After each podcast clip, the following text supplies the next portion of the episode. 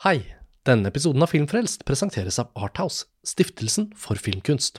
I 30 år har Arthouse reist rundt på filmfestivaler og håndplukket fantastiske filmer fra hele verden, som vi i etterkant får se på kino her hjemme i Norge. For eksempel Bong Yon-hos Parasitt, Celine Siammas Portrett av en kvinne i flammer og Michael Hanekes Amor. Og nå kommer endelig Aftersun, den store snakkisen fra fjorårets filmfestival i Cannes. Hovedrolleinnehaver Paul Mescal er Oscar-nominert, og norsk kinopremiere er fredag 17. februar.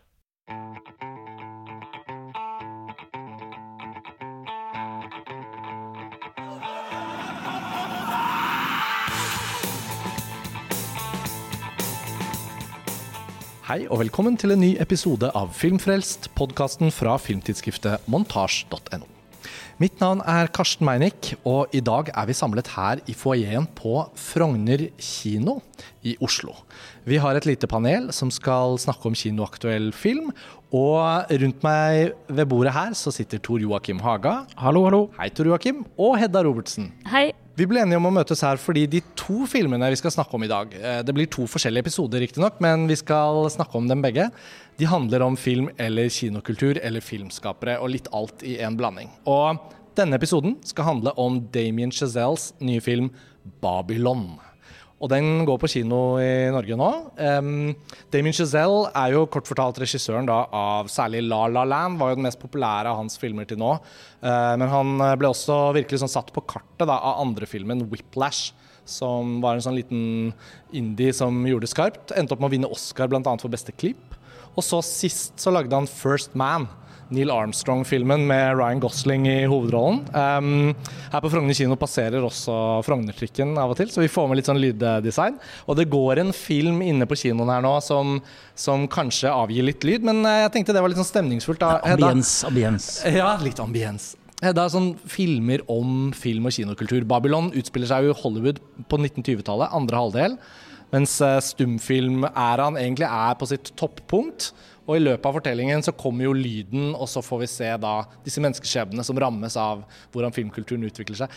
Bare for å starte der, altså Filmer om film. Filmer om filmkultur. Det føler jeg er liksom en egen sånn subsjanger. Sånn. Hva, slags, um, hva, slags, forhold til det har du, eller hvordan syns du det er å møte? Litt sånn selvopptatt film som skal glorifisere sin egen kunstform.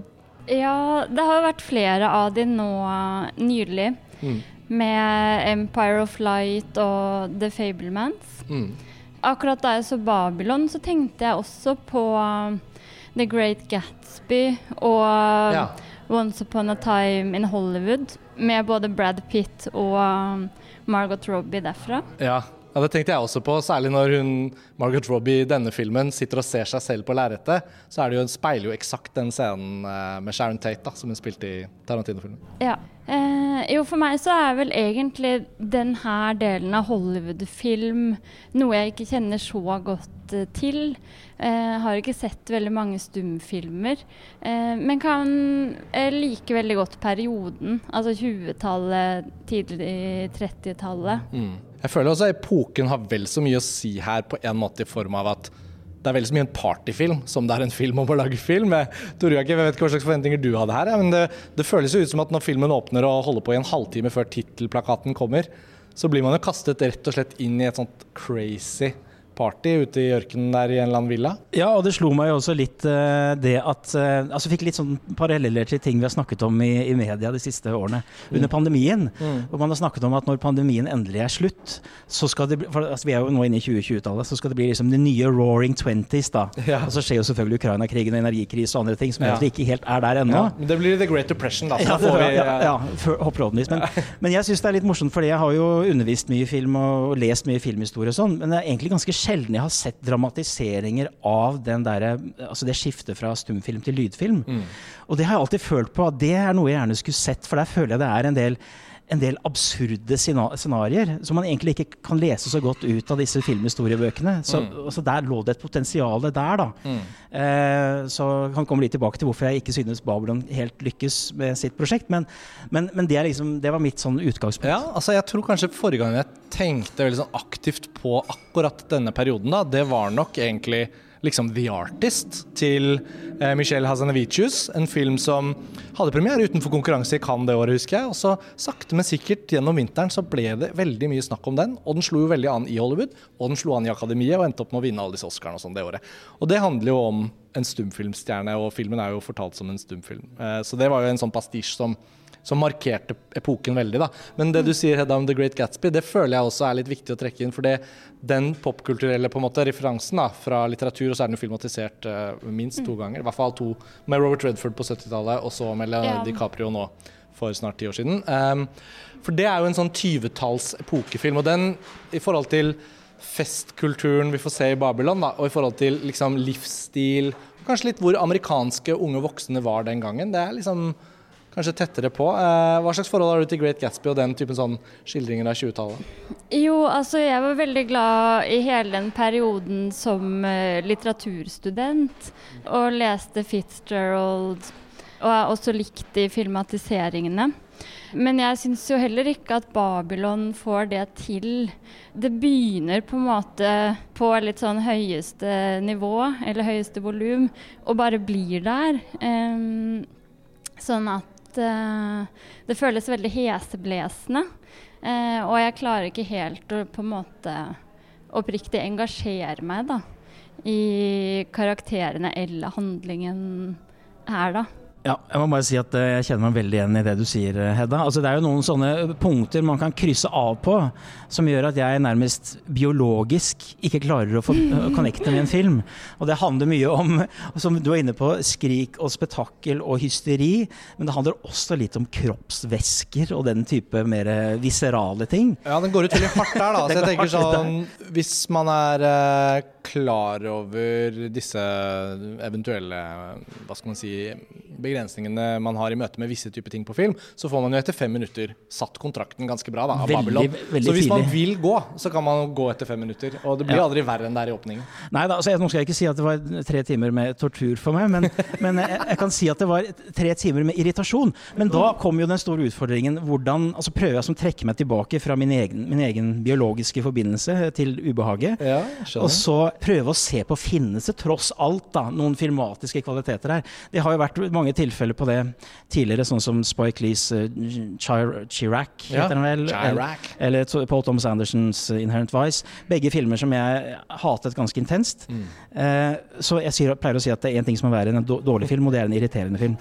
Men Uh, I begge tilfeller så kan jeg gjenkjenne filmatiske kvaliteter, og det kunne jeg jo også for så vidt gjøre her. Uh, ja, fordi det, vi, vi, kan jo ta, Jeg kan jo fullføre runden vår på sånn førsteinntrykk og hva vi egentlig syns og sånn. Og jeg hadde nok uh, jeg hadde nok kanskje moderert forventningene mine litt. Denne filmen hadde jo en del eh, knyttet til seg før den i det hele tatt var vist. Altså, det er jo et stjernelag av skuespillere. Damien Chazelle har jo, om ikke man har vært totalt oppslukt av La La Land, så har man jo sett i løpet av Whiplash, La La Land og First Man en regissør som er i stand til på et sånt rent filmfaglig og fortellermessig nivå sette ganske høye ambisjoner og lykkes med mye. Men jeg har ikke blitt liksom fortryllet av alt i en av filmene. Men i Whiplash, som vant Oscar for beste klipp, jeg nevnte jo det i stad, der er det en rytme og en musikalitet rundt portrettet han unge trommeslageren som jeg syns filmen virkelig får til. I La La Land, på sitt mest melodiøse og romantiske, så syns jeg filmen har veldig mye sjarm. Men jeg syns også den blir litt sånn innholdsløs etter hvert. Mens First Man var en film som var sånn Den var så alvorlig og og liksom monoton i sin skildring av Neil Armstrong, og noe som egentlig er det utrolige øyeblikket i menneskenes historie, måneferden, liksom. At det var helt nesten litt sånn ikke til å tro at han valgte et så episk utgangspunkt for en film, og gjøre det så nedpå. At man på en måte ikke egentlig blir fortryllet av det heller. Da. Ja, det er liksom det, det motsatte, på en måte. At han, eh, at han der eh, gjør den veien, mens de andre filmene har han tatt ganske magre ting og prøvd ja. å gjøre noe sus ut av det. Og her i Babylon er det jo ikke så magert utgangspunkt, da, fordi det eksploderer en ny kunstform, film i Hollywood. Det viser seg at de kan tjene enorme penger på disse filmene de lager. Og som vi får se, og det syns jeg er veldig fint i filmen, da. jeg endte opp med å like den mer enn jeg kanskje fryktet at jeg ikke skulle gjøre. Altså Jeg ble rett og slett litt positivt overrasket. Så jeg har hatt en litt annen opplevelse enn dere to.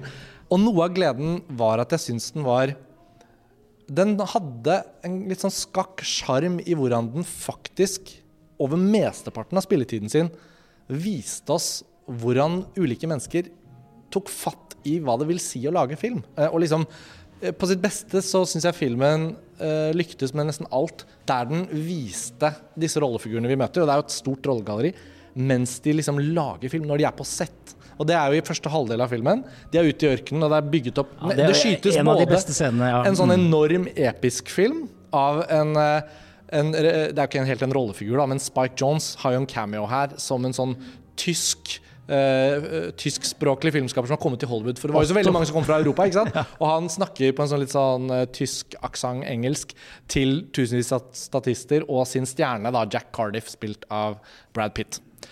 Og de spiller inn dette store eposet. Jack Crawford? eller, Jack Crawford var det kanskje. Ja, eller noe sånt. Ja, jeg, kan, mulig jeg husker etternavnet feil. Um, og Jack Cardiff er jo han fotografen. Ja, ja. Jack heter han i hvert fall.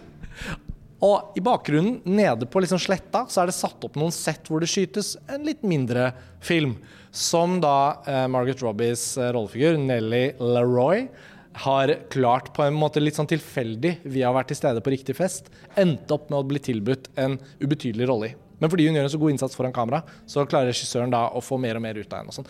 Alt i den sekvensen, for de som har sett filmen og vet hva vi snakker om, dette varer jo i hvert fall tre kvarter, en time av filmen. Eh, nå er jo hele filmen tre timer, da, så det er klart det er ikke alt. For den er jo så episodisk, ja, ikke sant? Ja, den er episodisk, men jeg syns det alene hadde veldig høy verdi for meg. For jeg syns det var så gøy at den tok seg tiden til virkelig å vise det.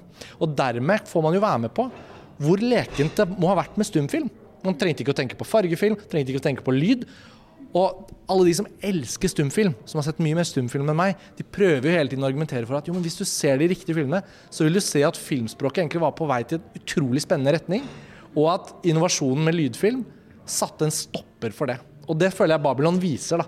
For når de da skal prøve å lage lydfilm, så ser vi jo og blir påminnet om hvor komplisert det er. Sånn er det kanskje ikke i 2023 fordi det er så mye annen teknologi som har kommet.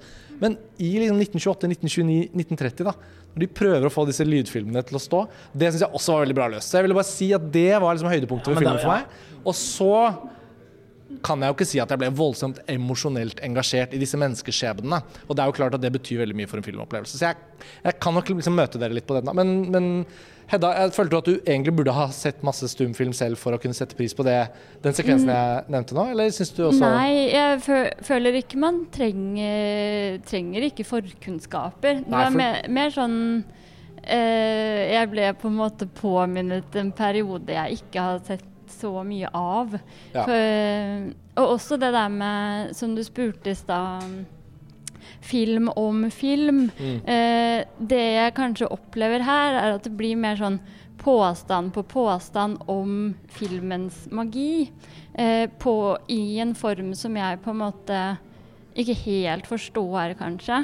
Men hvis jeg skal trekke fram noe jeg også likte, så syns jeg jo at eh, med et manus som ikke virker veldig godt, så syns jeg jo Skuespillet er jo Det er jo gode skuespillere. Mm. Jeg syns uh, Brad Pitt var en ganske Han gjorde en god rolle. Jeg syns han begynner å ligne litt på en gammel Marlon Brando. Et eller annet med ja, kjevepartiet. Ja. Morsomt. Uh, Håper sånn, han holder seg litt friskere ja. enn Brando. ja, men uh, han er jo en karakter som på en måte faller her, mens uh, Nelly LaRoy og han Manny mm. eh, på en måte er de som er unge, kommer inn og på en måte blir med videre, da. Mm.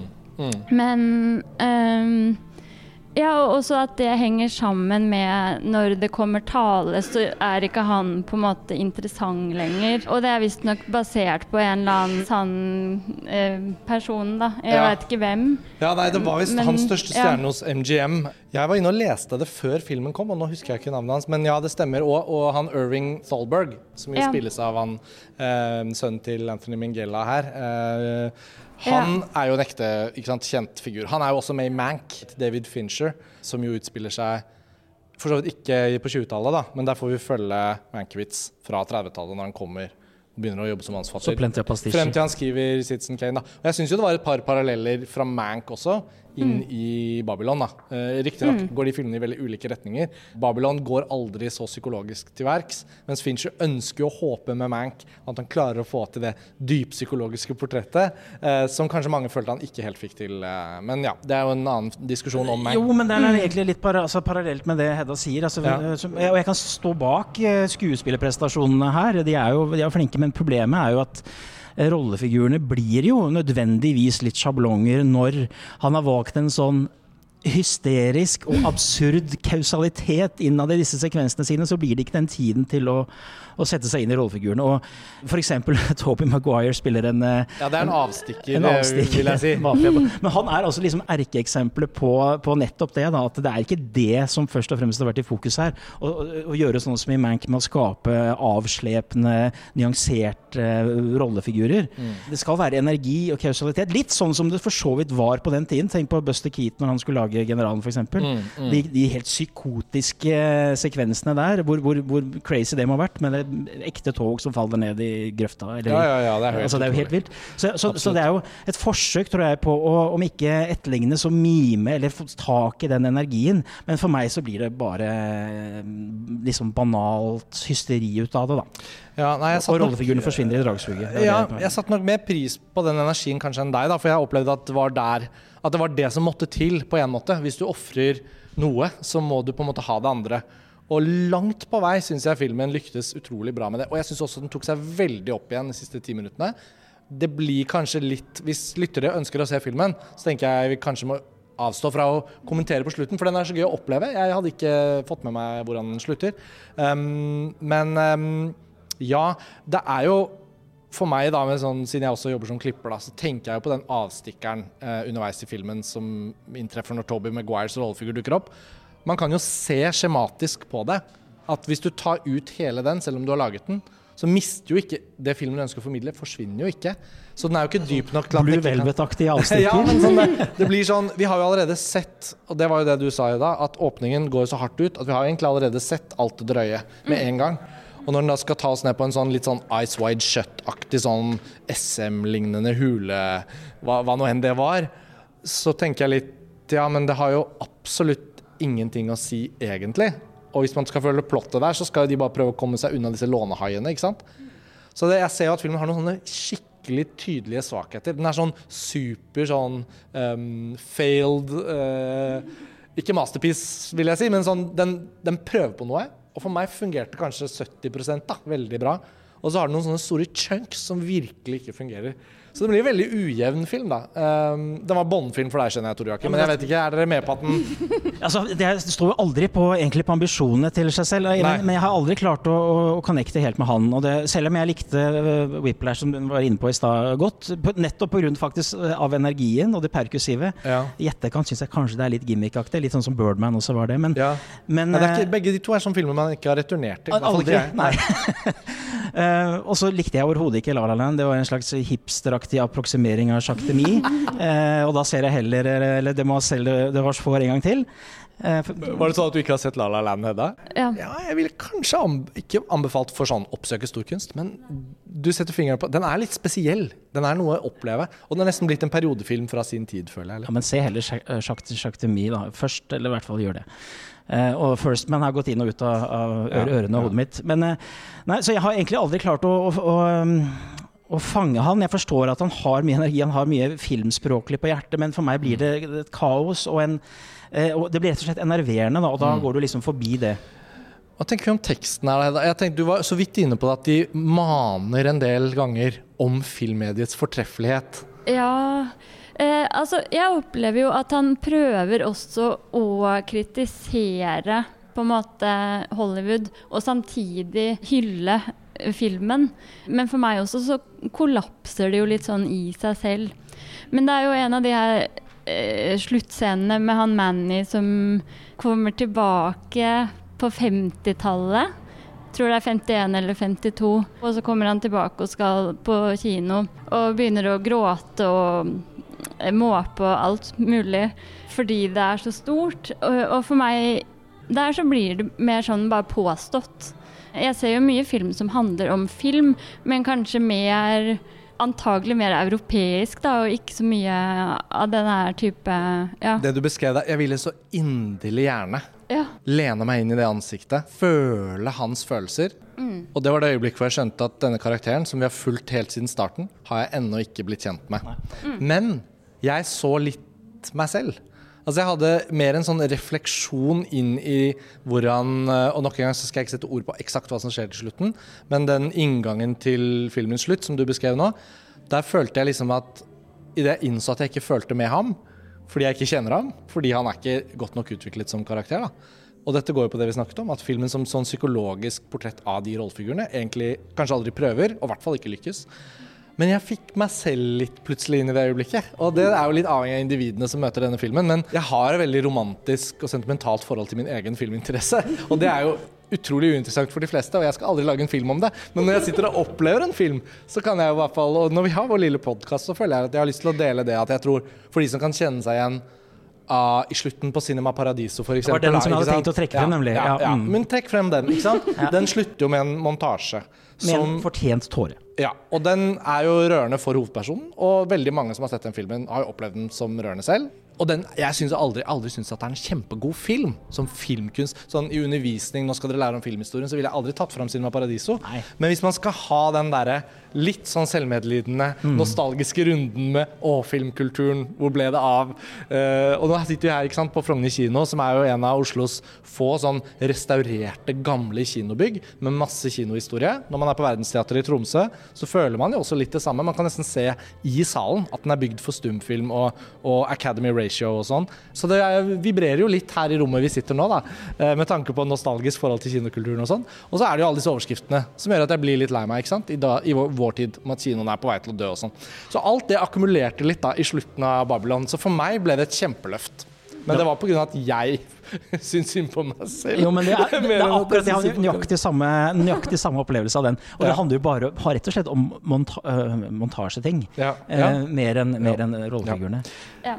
Hvilke andre sider av denne filmen kunne vi da kommet litt inn på her? Altså, den har jo et ganske sånn Den bretter jo ut en ganske sånn stor sånn åpenbart filmteknisk kompetanse. Foto, lyd, musikk. Er det noen For å mane dere til å trekke inn noe positivt i opplevelsen? Nei, da var det, var det andre ting du ble, ble grepet av eller beundret som skjedde på et rent sånn formmessig plan, eller, eller ble avstanden for stor? Jeg tror jeg ble rett og slett veldig tatt av avstand. Ja. Men uh... Jeg syns jo også, apropos ikke så mye form, da, men mer sånn menneskelig form, så er det jo en film som egentlig har potensial til å være ganske erotisk. Det var den jo ikke. nei, overhodet ikke. Ganske vill. Den er, liksom, mye... den er liksom eksplisitt, men på helt Ja. feil eh, hvis, hvis Jo, men så er det også noe med dette her med, med fest, da. Filmfester er jo egentlig en sjanger i seg selv. Ja. Og, og, og jeg er jo ikke så glad i det, det hysteriet. Altså, en, en ideell filmfest for meg er jo Lanotte til Antonioni. Det er en fantastisk fin filmfest, syns jeg. Mens, mens når det blir altså jeg er jo Og det, nå vet jeg at det banner i kjerka, jeg er heller ikke så veldig glad for Fellini. Eh, som jo var ganske kjent for å ha en del hysteriske Jeg tror du har nevnt det før en gang i en eller annen episode. Ja. Og så ble det en liten runde hvor vi spøkte litt med deg. Men, Ja, ja. men det er jo en ærlig sak. Herregud, Fellini, selv om han på sitt beste syns jeg er jo bare helt fantastisk, så jeg har mange Fellini-hull. Altså, jeg har aldri vært så interessert at jeg har gått metodisk til verks. men jeg syns det er en relevant uh, referanse her, Ja da, i, ja, ja, jeg ser en, en del av skildringen av festen, festen, mm. i Mm. filmen. Og åtte og en halv kan man jo ikke komme helt utenom den heller. Nei, ja. Men eh, jeg vil bare også skyte inn det jeg syns var en positiv ting, og du har egentlig allerede nevnt det, Karsten. og det, var, det er den scenen hvor de skal forholde seg til, eh, til lydfilmens fremvekst. fremvekst. Eh, som, er en, eh, som, som leker seg med repetisjoner. altså Det kan jo være morsomt, og små variasjoner innad i repetisjonen og sånn. Og jeg som er veldig opptatt i det skiftet, som er veldig opptatt av filmmusikk og, og som første lydfilm med jazzsanger og, og De nevner faktisk her, det syns jeg også var kult, de nevner i filmen at det er en forløper til jazzsanger som ikke mange vet om, som heter Don, Don Juan. Hvor det er uh, lyd på en tape som su- surrer, da, fremfor lyd på filmstripen som på Ok, Okay, sånn, ja. Mm. Som er en sånn liten sånn ting som jeg også setter pris på. Se der, ja. Da har vi en firbent en også Apropos inne på kino. Det er bra. Det er veldig sånn autentiske lydeffekter her. Apropos lyd og lydfilm. Nettopp! Nei, men jeg ville bare skyte Ja. at akkurat den lille scenen der, den, ja. den satte jeg pris på. Ja, altså, ja. Jeg syns jo nå er nesten litt sånn på grensen til genial i seg selv, da. Nå får ikke det en så stor effekt når filmen har såpass mange tydelige svakheter. Men jeg syns når Babylon kom i det moduset, og hadde lag på lag, scene for scene, bygget opp til det øyeblikket, så følte jeg at den var på topp av sin egen kvalitet. Og da var den litt sånn ti av ti på det den prøvde på, da. Men ja, får jeg fiske ut en, eh, en ekstra liten observasjon fra deg da, Heida? Nei, altså, den scenen du snakka om nå, er det når eh, Margot Robbie på en måte skal eh, snakke. Eller Ja. hun er Skal en inn eller på scenen der. Skal med en koffert, og så skal Ja. treffe Ja. merket sitt. Og Ja, for den kunne egentlig jeg også like. Og den der når eh, Brad Pitts karakter går inn i kinoen og ser på en måte publikummet le av rollen hans. Ja. Eh, det gjorde meg på en måte mer sånn bevisst til det der skiftet, da. Som jeg syns egentlig er interessant, da. Mm. Og 'Singing in the Rain' blir jo da bokstavelig talt en referanse for Babylon. I og med at den da introduseres som en kinoopplevelse for en av rollefigurene da, i, på slutten der. Og 'Singing in the Rain' har jo hele tiden lenge før, også The Artist, vært filmen som bedre enn noen annen portretterer denne perioden i Hollywoods historie. Og jeg har vært jeg var litt sen til å se 'Singing in the Rain', faktisk. Jeg husker Da jeg til slutt fikk sett den, så var jeg sånn oh, Da fikk jeg endelig dekket det hullet, før jeg ble avslørt i en eller annen samtale. Men, men, eh, og det er mange som fortsatt ikke har sett 'Singing in the Rain', sikkert. Men dens plass både som Hollywood-musikal fra 50-tallet, som jo var en ny gullalder, eh, og hva den handler om, og hvordan den da blir brukt nå i Babylon, det gjør i hvert fall at om man liker Babylon eller ikke, da, som isolert opplevelse av et drama eller en skildring av, av disse menneskene, så syns jeg i hvert fall den knytter sammen og gjør seg selv betydningsfull som en slags en, en del av en lang føljetong hvor Hollywood ser på seg selv. da. Og kanskje kunne den vært mer, mer eh, kanskje, Om ikke mer kritisk, for den er ganske kritisk, som du sa i stad, Ida, men den kunne engasjert oss på et mer mellommenneskelig plan med rollefigurene. Og det er kanskje der den snubler aller mest. da. For det den lykkes med, er jo å binde sammen epoke, sånn som du sa, portrettet av den overgangen fra stumfilm til lydfilm. Og så prøver den jo da i noen sånne monologer å si noe om betydningen av film for publikum. Og da satt jeg og hadde så utrolig lyst til å kjøpe det. Men det var også sånne øyeblikk hvor jeg bare kjente at det ble litt for svulstig. da. Og jeg trodde ikke helt på det. Det var jo det du startet med, Hedda. At det var som Du kjøpte liksom ikke premisset Altså, det er jo en tone du skal være veldig, veldig komfortabel med hvis du skal holde ut med den i tre timer. Det må vi bare si. Så du, du må egentlig kjøpe den tonen ganske raskt. da. Eller den, den energien, eller det, det hysteriske i det. Ja. Men ok, hvis vi skulle oppsummere. Babylon går jo på kino nå. Jeg syns jo de som har den minste interesse av filmer om film, bør jo i hvert fall bare gå og se den. For jeg tenker jo at det er mye mer spennende å ha sett den og være med i den diskusjonen om den. Jeg spår at Babylon kan ende opp med, over en 5-10-15-årsperiode, med å få sine fans litt. For den har noen sånne distinkte, rare kvaliteter. Den vises jo også her på Frogner kino. Jeg ser på plakaten her som henger utenfor. Og, og, og jeg tror liksom at det er en viss humor å hente i der den feiler. Altså at Det blir en litt sånn der vakker måte å feile på. Uh, Noen sånne filmer kan jo også bli høyt elsket, nettopp fordi de ikke er så perfeksjonerte. da. Og ja, Jeg lander nok litt der. At jeg skal heie litt på Babylon og se, se om det varer. Dere er heldigvis ferdig med å se den. Dere trenger aldri se den igjen. De tre timene dere ikke får tilbake. Selv om den nå kommer litt sånn opp i lyset igjen i Oscar-sammenheng. Ja, men ja. eh, ja. Og Hedda, du nevnte jo denne Empire of Light, da, som kommer på kino om noen uker. Laget av Sam Mendes. Om ikke vi skulle ende opp med å lage en hel episode om den, har du lyst til å bare dele to ord om hva slags film det er? Ja, en film som er lagt til en kino i England. En kystby. Og så er det vel at vi følger en sånn billettsalgdame, er det ikke det hun er? Spilt av hun Olivia Olivia. Colman. Ja. Og en slags affære med en annen ansatt. Og en helt grusom Colin Firth i sånn uh, Sleskemodus. Ja, veldig. Ja, fordi Ja, jeg kan jo avsløre, Ja. Nå er du litt forsiktig, for jeg kan jo avsløre at denne filmen ble jo totalslaktet da dere Ja. så den i Tromsø. ja. Ja. Jeg mislikte den sterkt. Ja. Så da blir det kanskje Ja. ikke en hel episode, men det betyr at kanskje ikke det lykkes så bra da, å lage disse filmene om film. Nå er Ja. kinovisningen på Frogner kino som har pågått mens vi har snakket, nå er den ferdig. Nå kommer publikum ut her. Det var det jeg skulle Jeg gjort syns, under Babylon, jeg eh, også. Sånn som jeg ser folk Men jeg syns det ga en veldig hyggelig effekt da, å spille inn denne samtalen akkurat nå som visningen av Henrik Martin Dalsbakkens Munch er ferdig. Da kan jo vi egentlig avslutte da, denne lille praten. Og så får jeg understreke igjen at jeg syns folk bør gå og se Babylon. Dere andre har fått argumentert bra for at dere ikke Ferdig med syns den. den lyktes så bra. Nei, ferdig med den. Greit. Hedda, Tor Joakim, vi snakkes jo veldig snart igjen. Ha det bra. Ha det. Ha det bra.